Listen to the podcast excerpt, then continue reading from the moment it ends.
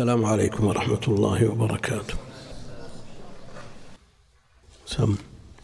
بسم الله الرحمن الرحيم. الحمد لله رب العالمين وصلى الله وسلم وبارك على نبينا محمد وعلى آله وصحبه أجمعين.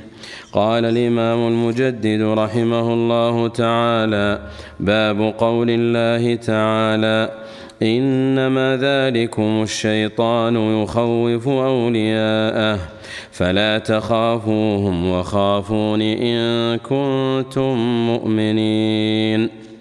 وقوله إنما يعمر مساجد الله من آمن بالله واليوم الآخر وأقام الصلاة وآتى الزكاة ولم يخش إلا الله. الآية وقوله ومن الناس من يقول آمنا بالله فإذا أوذي في الله فإذا أوذي في الله جعل فتنة الناس كعذاب الله. الآية وعن أبي سعيد رضي الله عنه مرفوعا إن من ضعف اليقين أن ترضي الناس بسخط الله وأن تحمدهم على رزق الله وأن تذمهم على ما لم يؤتك الله. إن رزق الله لا يجره حرص حريص ولا يرده كراهية كاره. وعن عائشة رضي الله عنه عن عنها أن رسول الله صلى الله عليه وسلم قال: من التمس رضا الله بسخط الناس رضي الله عنه وأرضى عنه الناس ومن التمس رضا الناس بسخط الله سخط الله عليه وأسخط عليه الناس رواه ابن حبان في صحيحه. فيه مسائل الأولى تفسير آية آل عمران. الثانية تفسير آية براءة. الثالثة تفسير آية العنكبوت. الرابعة أن اليقين يضعف ويقوى. الخامسة علامة ضعفه ومن ذلك هذه الثلاث. السادسة أن إخلاص الخوف لله من الفرائض. السابعة ذكر ثواب من فعله. الثامنة ذكر عقاب من تركه. الحمد لله رب العالمين وصلى الله وسلم وبارك على عبده ورسوله نبينا محمد وعلى آله وأصحابه أجمعين. أما بعد فيقول الإمام المجدد رحمة الله عليه باب قول الله تعالى إنما ذلكم الشيطان. يخوف أولياءه. فلا تخافوهم وخافوني إن كنتم مؤمنين. الباب السابق في المحبة وهذا الباب في الخوف وهما من العبادات التي لا يجوز صرفها إلا لله جل وعلا. والمقصود بذلك العباء المحبة التي تقدم الكلام عليها.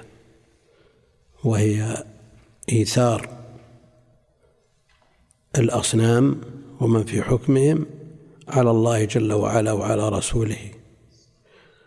وهنا الخوف الذي يسميه أهل العلم خوف السر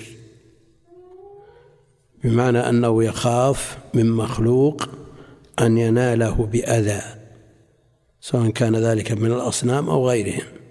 يناله بأذى يستقل به لا أن يكون سببا في ذلك الأذى. هذا شرك. ما أن يكون المخلوق سبب والمسبب هو الله جل وعلا هذا موجود. ومنه الجبلي الطبيعي الذي جبل عليه الناس بمعنى أنه يخاف. من السباع ويخاف من الحريق يخاف من الغرق و الأمور المخوفة في هذه الدنيا كثيرة. هذا الخوف الطبيعي هذا ما في شيء. إذا لم يترتب عليه محظور أو ينظر إلى المخلوق بأنه هو المسبب لهذا الأمر الأمر المخوف فيدخل في الصنف الأول.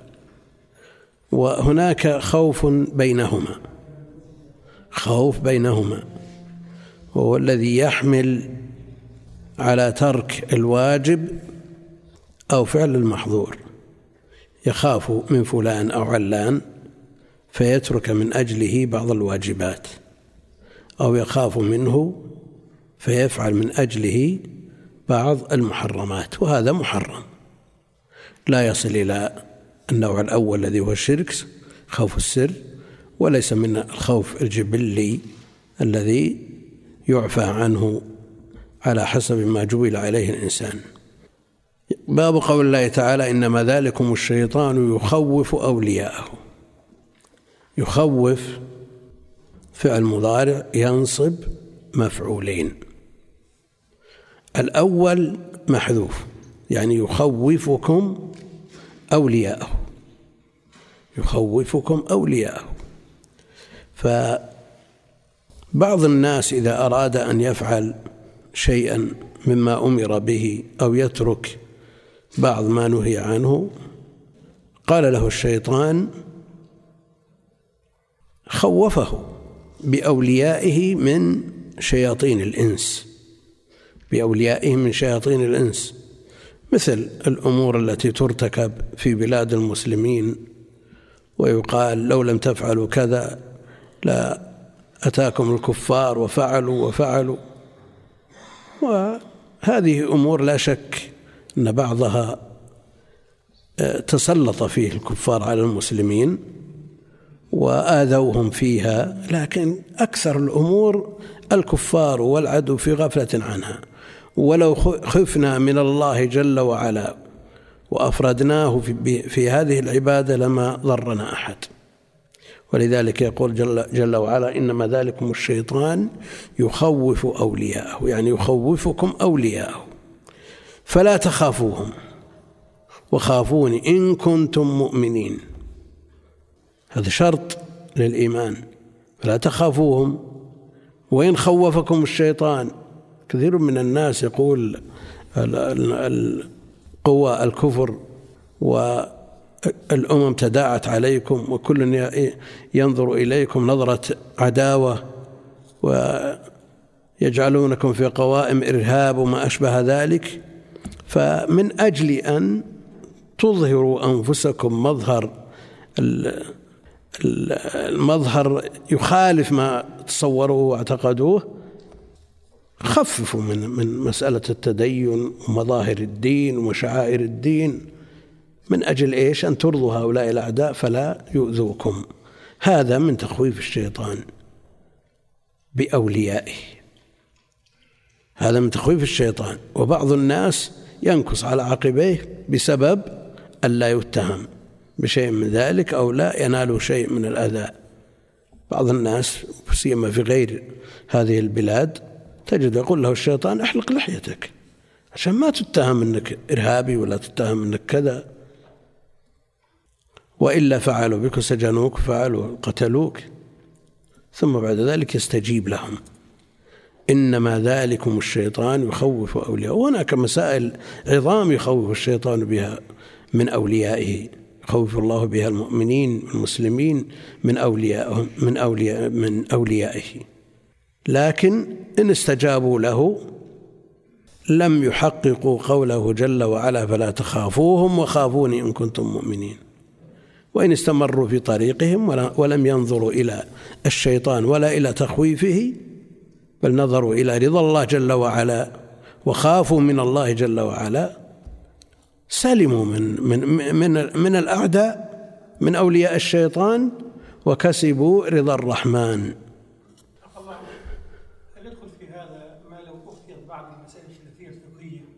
منها بعض العلمانيين على أهل العلم إذا كان له وجه القول له وجه وله دليل نعم؟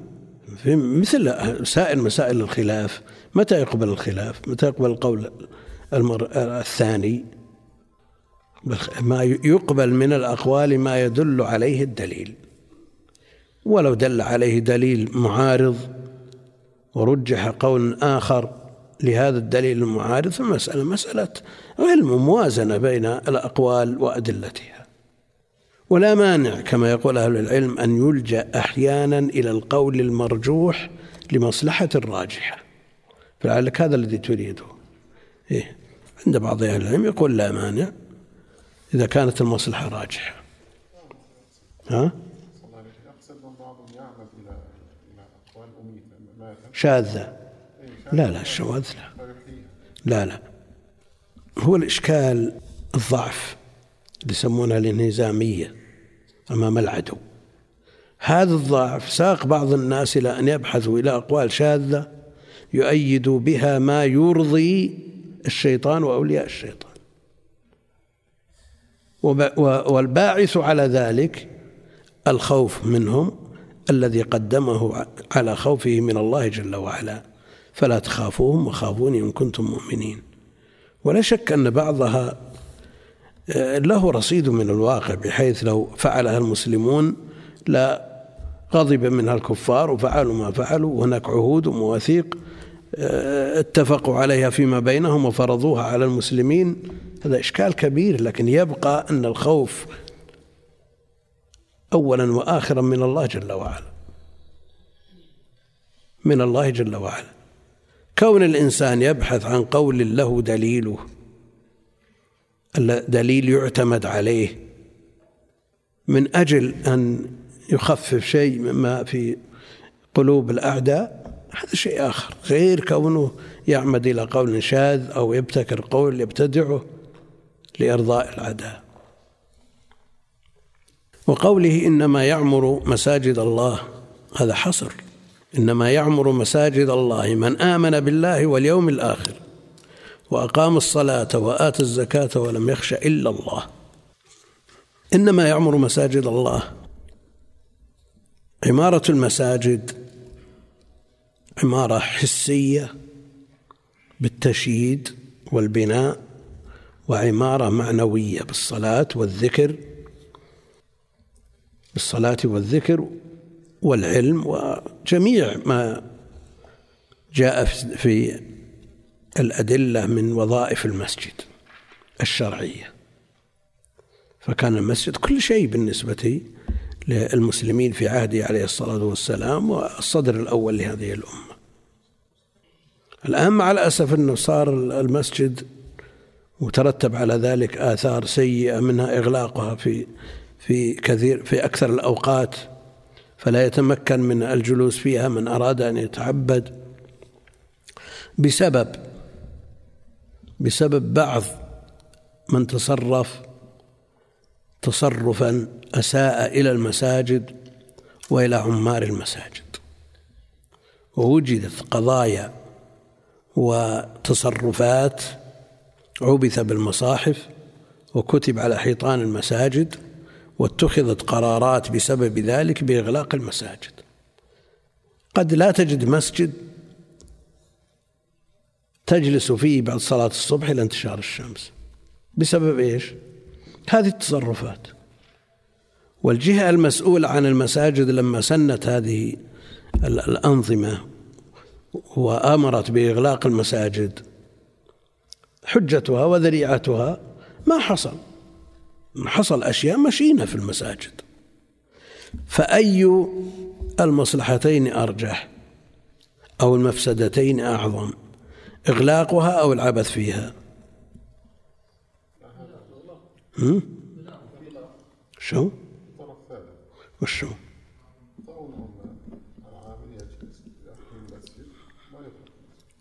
نعم فيه من الحلول الكثيرة أن يكون العامل باقي في المسجد إلى أن ينتهي الوقت الذي يتعبد فيه. وإلا إشكال كبير بعد لو استجابوا لكل ما يمكن أن يكون. كل ما في البلدان الأخرى أغلقت المساجد حتى في أوقات الصلاة. بسبب بعض الأعمال التخريبية مع انصراف بعض الدول عن تحقيق الدين وإخلاص الدين لله جل وعلا. أنه وجد في بعض البلدان من يرى في بيته النور في آخر الليل يسجن. على كل حال الأوضاع ما تسر وهي متفاوتة في بعض البلدان أشد من بعض. وعندنا والله ما زال الأمر ممكن لمن أراد أن يتعبد في المسجد ويجلس في المسجد ما في إشكال. لكن بعض المساجد يكون القيم عليها مطبق لبعض الأنظمة بحذافيرها. في مسجد صلوا صلاة الفجر راح المؤذن وقفل الأنوار. قالوا له وين؟ وين تبي؟ نبي نجلس نقرأ. قال هذا التعميم. ولا قريب منهم ملعب. ومر فيضهم على الباب وقالوا للمؤذن طفك الأنوار ويطفي المسجد. صحيح؟ مسألة تحتاج إلى عدل ونظر بعين حكمة وإنصاف. لا شك أن الإساءة موجودة وهذه الإساءة سببت في سن أنظمة. لكن بعد إقامة شرع الله ودين الله وشعائر الدين لا بد منها فيبحث عن حلول أخرى.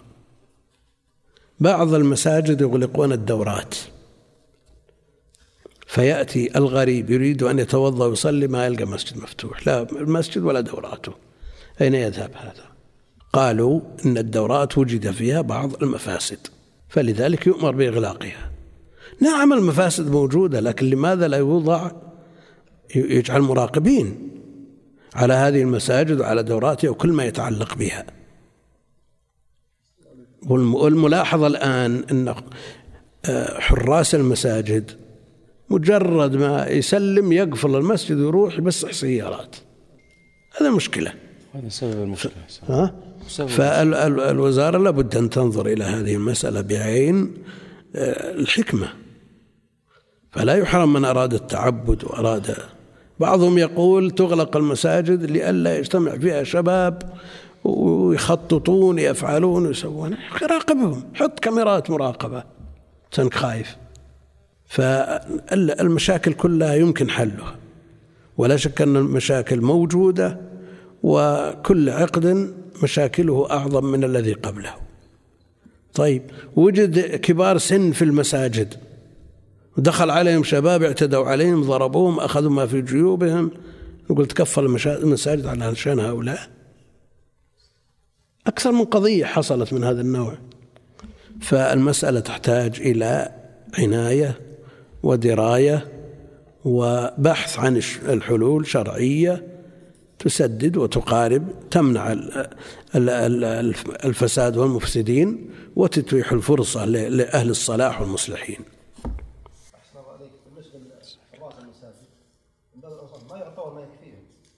معروف إنه ما يحضرون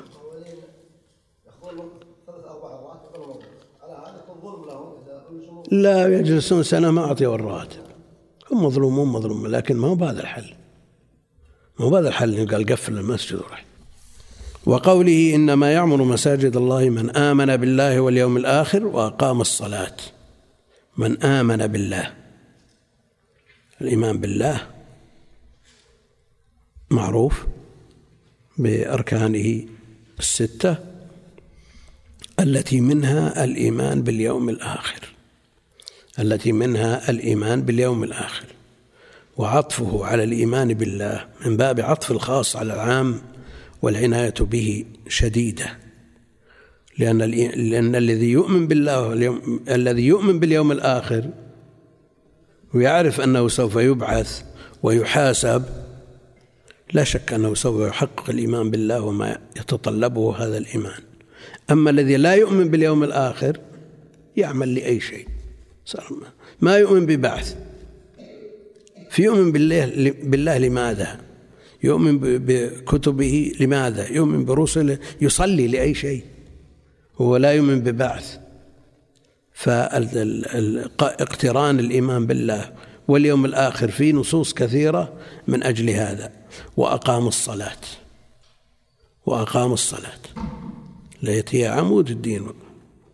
عمود الدين وآتى الزكاة التي هي قرينة الصلاة في مواضع كثيرة من كتاب الله وسنة نبيه عليه الصلاة والسلام ولم يخش إلا الله. وهذا هو الشاهد من هذه الآية للترجمة. ولم يخش إلا الله.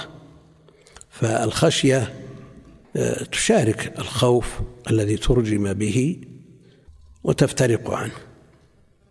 أن الخشية تكون عن علم خشية تكون عن علم إنما يخشى الله من عباده العلماء والخوف قد يكون الجاهل يخاف لكن ما يخشى الخشية تكون من, من أهل العلم إنما يخشى الله من عباده العلماء. وأيضا الخشية خوف معه تعظيم فالمخشي لا بد أن يكون معظما. إذا اجتمع الخوف مع التعظيم صار خشية. فقد يخشى أو يخاف الشخص شيئا وهو يحتقره. لكن لما معه من قوة وسلطة وأداة يضره بها يخافه لكن ما يخشاه إلا إذا عظمه. ولم يخش إلا الله هذا حصر. فالخشية لا تكون إلا لله. وقوله ومن الناس من يقول آمنا بالله. في الآية الأولى الله جل وعلا ذم الكفار المشركين لتمدحهم بعمارة المسجد الحرام. أجعلتم سقاية الحاج؟ ها؟ وعمارة المسجد الحرام. كمن آمن؟ ومع الأسف أن هذه الآية يريدها بعض الناس في غير موردها. لأنه في الآية جعل المقابلة بين سقاية الحاج وهو عمل طيب وعمارة المسجد الحرام عمل صالح. كمن آمن؟ يعني في مقابل الإيمان. لكن إذا جعلت سقاية الحاج وعمارة المسجد الحرام مع الإيمان هذا هو المطلوب. إنما يعمر مساجد الله من آمن بالله. ولذا الشيخ محمد بن عبد الوهاب في مسائل الجاهلية قال منها التمدح بعمارة المسجد الحرام. التمدح بعمارة المسجد الحرام.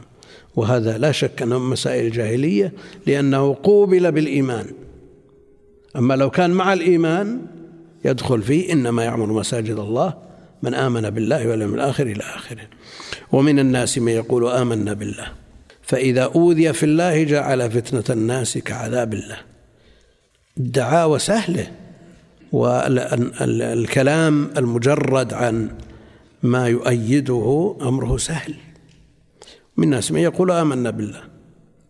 لكن عند أدنى شيء يترك ما ادعاه. ويتبرأ منه وينقلب على عقبه ومن الناس من يقول آمنا بالله. فإذا أوذي في الله أوذي من من أجل إيمانه ومن أجل الأعمال الصالحة التي يتطلبها الإيمان ترك. لماذا؟ لأنه جعل فتنة الناس كعذاب الله. لأنه إذا ترك الإيمان والأعمال الصالحة هو متوعد بعذاب الله. لكن إذا آذاه غيره من بني جنسه من من أجل أن يترك هذا الإيمان الذي ادعاه قدم آذى الناس على عذاب الله. جعل فتنة الناس كعذاب الله. والأصل أنه إذا إذا قال آمنا بالله وعمل بشروطه وواجباته وأدى ما افترض الله عليه وترك ما نهى الله عنه مهما كانت مهما كان آه، أذى الناس وعذابهم وفتنتهم مهما كانوا لن تصل إلى أدنى نسبة من عذاب الله. فلا يحمله ذلك إلى ترك ما هو عليه من الإيمان والعمل الصالح. ومن الناس من يعبد الله على حرف. من الناس من يعبد الله على حرف على طرف.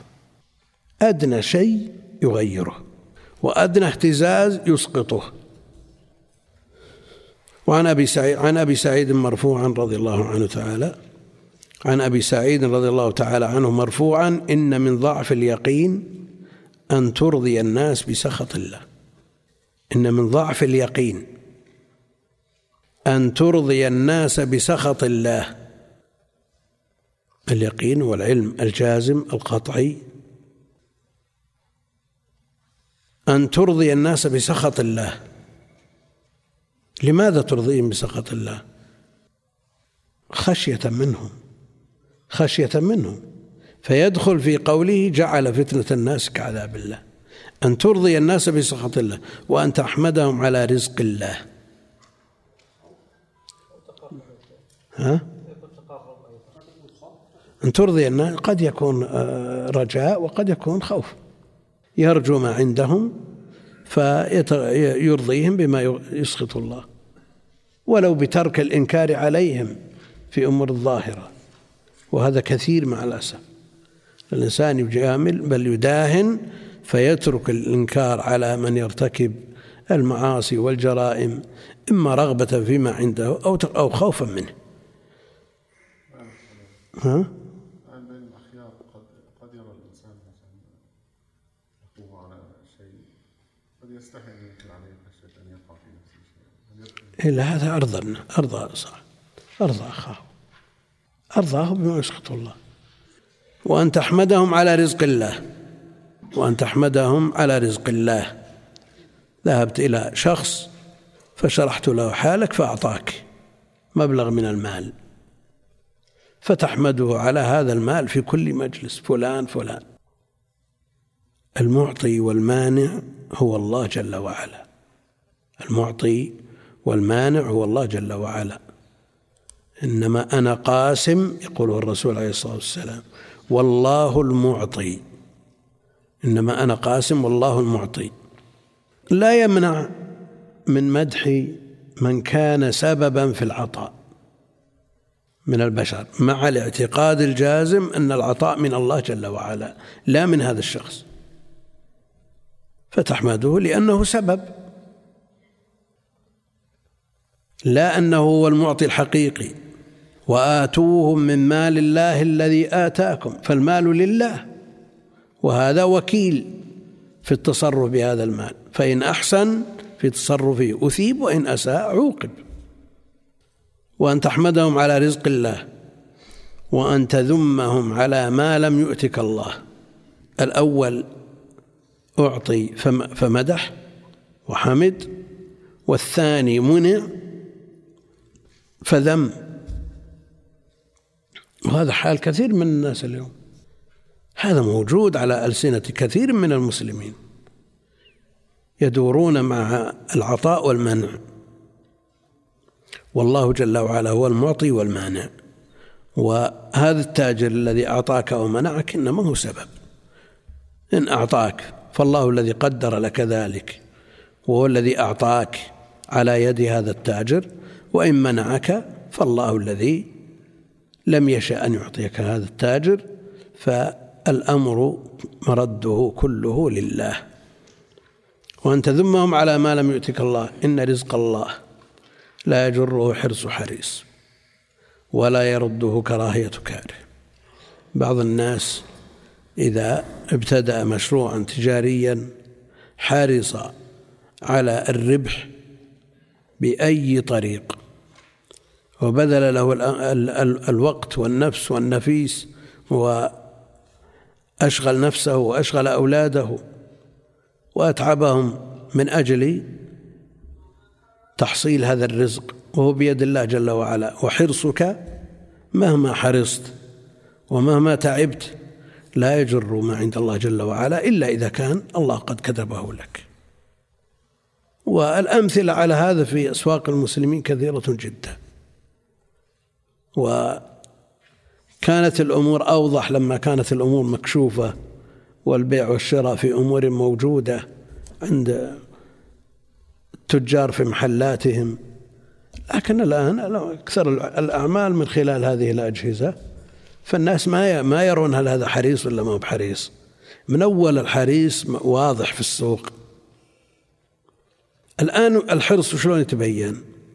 في كبار سن من التجار الكبار يحيون الليل في صالات في البنوك يراقبون البورصات. وزاد الدولار نقص الذهب زاد الجنيه ولا نقص كذا. إلى إلى إلى الصباح. هذا هذا من أشد الحرص.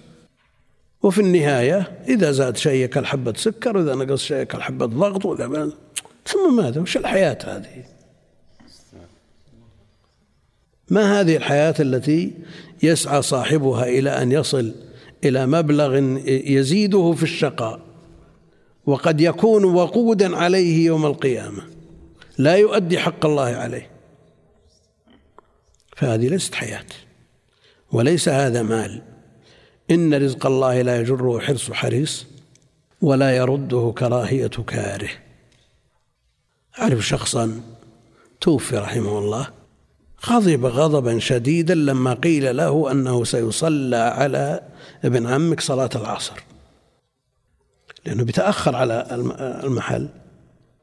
خلوه بالليل قفلنا هذا من الحرص. ولا يرده كراهية كاره. إذا لو يكره الناس كلهم ما يكتبه الله لك ما استطاعوا أن يردوا.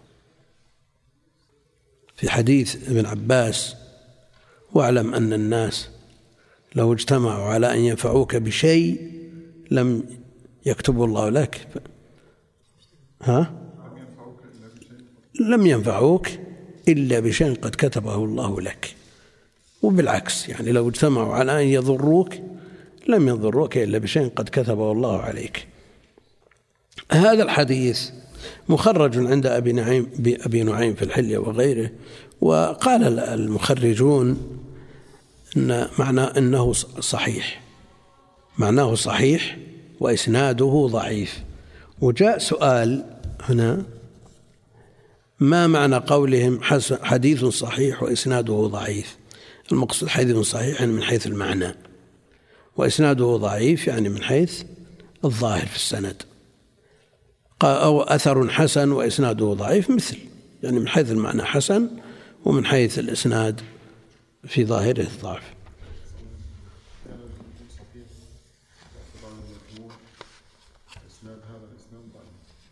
إيه هذا إذا تعددت طرقه تعددت الطرق بأسانيد كلها لا تخلو من ضعف. فيكون ضعيف بهذا الإسناد صحيح بمجموعه بمجموع الأسانيد. ها؟ إلى هذا معناه صحيح. وعن عائشة رضي الله عنها أن رسول الله صلى الله عليه وسلم قال من التمس من التمس رضا الله بسخط الناس رضي الله عنه وأرضى عنه الناس. من التمس رضا الله بسخط الناس في الحديث السابق أن ترضي الناس بسخط الله. رضي الله عنه وأرضى عنه الناس. لأن القلوب بيد الله جل وعلا. قلوب العباد بين أصبعين من أصابع الرحمن. إذا رضي عنك أرضى عنك هذه القلوب وصرفهم إليك. وإذا سخط عليك قلوبهم بين أصبعين من أصابعه صرفهم عنك وأبغضوك وسخطوا عليك. من أرضى من أرض من التمس رضا الله بسخط الناس رضي الله عنه وأرضى عنه الناس. ومن التمس رضا الناس بسخط الله سخط الله عليه وأسخط عليه الناس. فعلى العاقل المسلم العاقل أن ينظر إلى ما يرضي الله جل وعلا ولا يلتفت إلى غيره ولا يلتفت إلى غيره. لكن مداراة الناس ونفع الناس مطلوب. وأحيانا يكون طلب رضاهم وفيما لا يسخط الله جل وعلا. طلب رضاهم أيضا مطلوب بنفعهم ومداراتهم وليكونوا شهداء لك حيث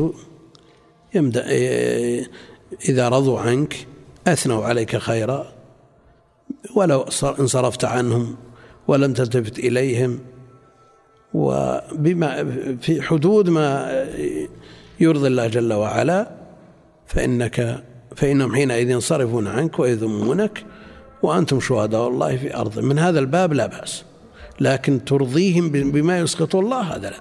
فإن الله سيسخط عليك ويسخط عليك الناس. روى ابن حبان في صحيحه وله طرق كثيرة يقول يصل بمجموعها إلى الصحيح لغيره. نعم.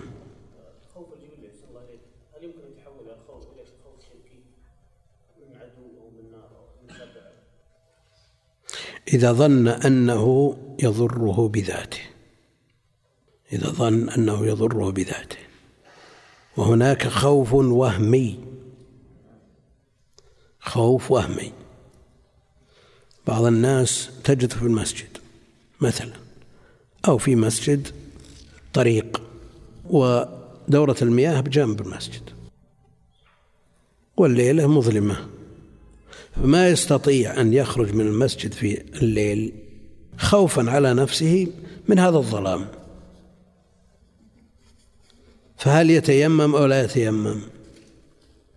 الماء عنده موجود خارج المسجد لكن خوفه أعظم من خوف الضرر المتحقق في عند بعض الناس.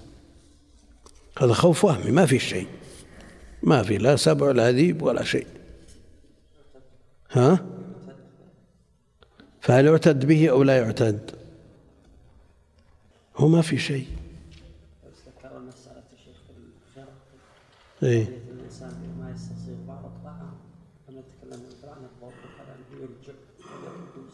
إيه؟ لا هذه مسألة يذكرونها في التيمم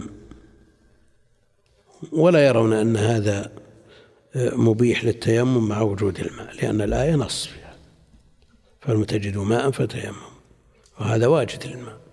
لكن هذا الخوف عند بعض الناس هو لو وجد مخوف حقيقي صار عذر. لكن هذا النوع من الخوف الوهمي عند بعض الناس أشد من الخوف الحقيقي عند بعض. ها؟ يعني بحيث لو ألزم بالخروج جن. يجن. يصاب بالجنون. هذه حقيقة ما هو افتراض. ولذلك عند صلاة الفجر سئل الحسن لو ألزم الصبي بالخروج لصلاة الفجر فجن. ها؟ شو؟ هل يضمن أو لا يضمن؟ هذه مسألة موجودة حتى في البخاري موجود من الأخبار الموقوفة في البخاري ها؟ خوف خوف بعض الناس يخوفوا بفراشة بعض الناس من من الظلام لذاته يخاف ها؟ وهمي وهمي ما ما له حقيقة يكون شرك ولا يكون خوف طبيعي؟ هو في الأصل طبيعي لكنه ترقى إلى أن ظن ما لا يضر ضارا لكنه مع ذلك ما يسلم هو أيضا من أن يتوقع وجود الضار ها؟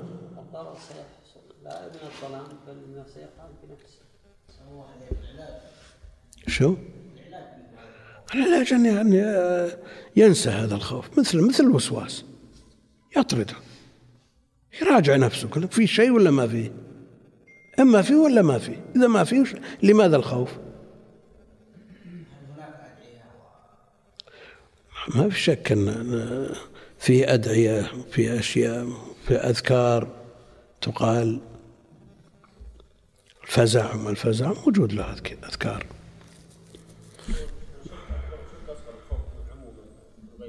العموم الخوف إذا ظن أن المخوف يضر بذاته. هذا شرك أكبر وهو خوف السر. وإذا كان يظن أنه سبب للخوف والمخوف في الحقيقة هو الله جل وعلا المدبر لهذه الأمور هذا لا يكون شركا. ها؟ هذا يبقى هذا الخوف. إن دعاه هذا الخوف إلى ترك ما أوجب الله عليه فعل ما آه، حرم الله عليه هذا يحرم. في مسائل الأولى تفسير آية آل عمران التي هي في الترجمة. إنما ذلكم الشيطان يخوف أولياءه. ثم بعد ذلك تفسير آية براءة. إنما يعمر مساجد الله قد تقدم. ثم تفسير آية العنكبوت ومن الناس من يقول آمنا بالله.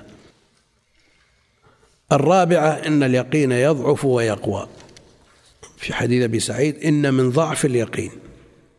إن من ضعف اليقين والذي يقبل الضعف يقبل القوة. الذي يقبل النقص بالضعف يقبل الزيادة بالقوة.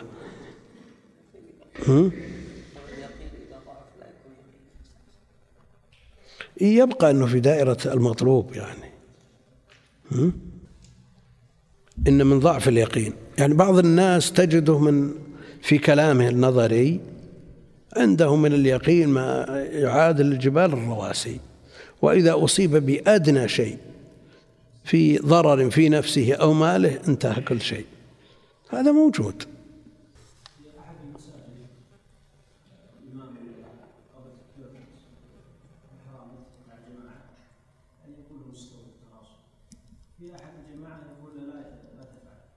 ولا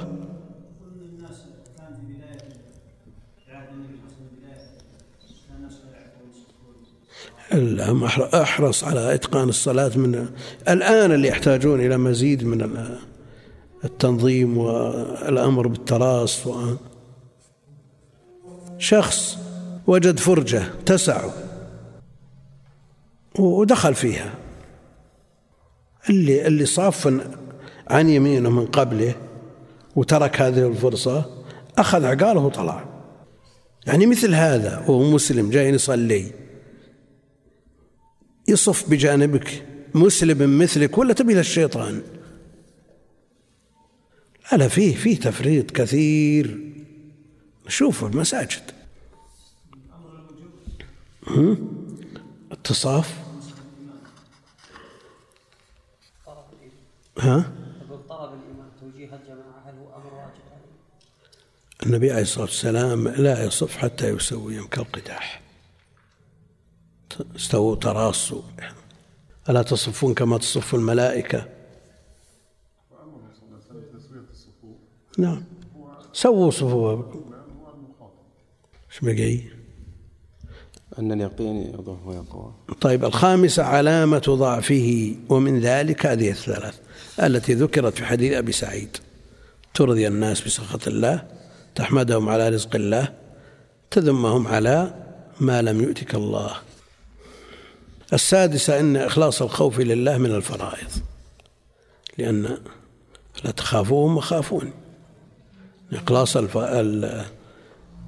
ال... أن إخلاص الخوف لله جل وعلا فريضة. عبادة لا يجوز صرفها إلا لله جل وعلا فلا تخافوهم وخافون ها؟ نعم. السابعة ذكر ثواب من فعله ذكر ثواب من فعله من أين؟ تكملة الآية.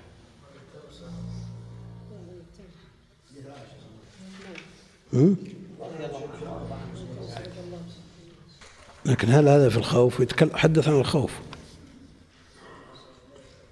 إخلاص الخوف من الفرائض. ذكر ثواب من فعله. لأن الترجمة إنما سيقة للخوف. لخوف الله جل وعلا. فلا تخافوهم وخافون إن كنتم مؤمنين. وين؟ وش الشاهد من حديث عائشة؟ لأنه التمس رضا الناس خوفا منهم والذي التمس رضا الله خوفا منه. والثواب رضي الله عنه وأرضى عنه الناس. وذكر عقاب من تركه سخط الله عليه وأسخط عليه الناس والله أعلم صلى الله على محمد وعلى آله وصحبه أجمعين.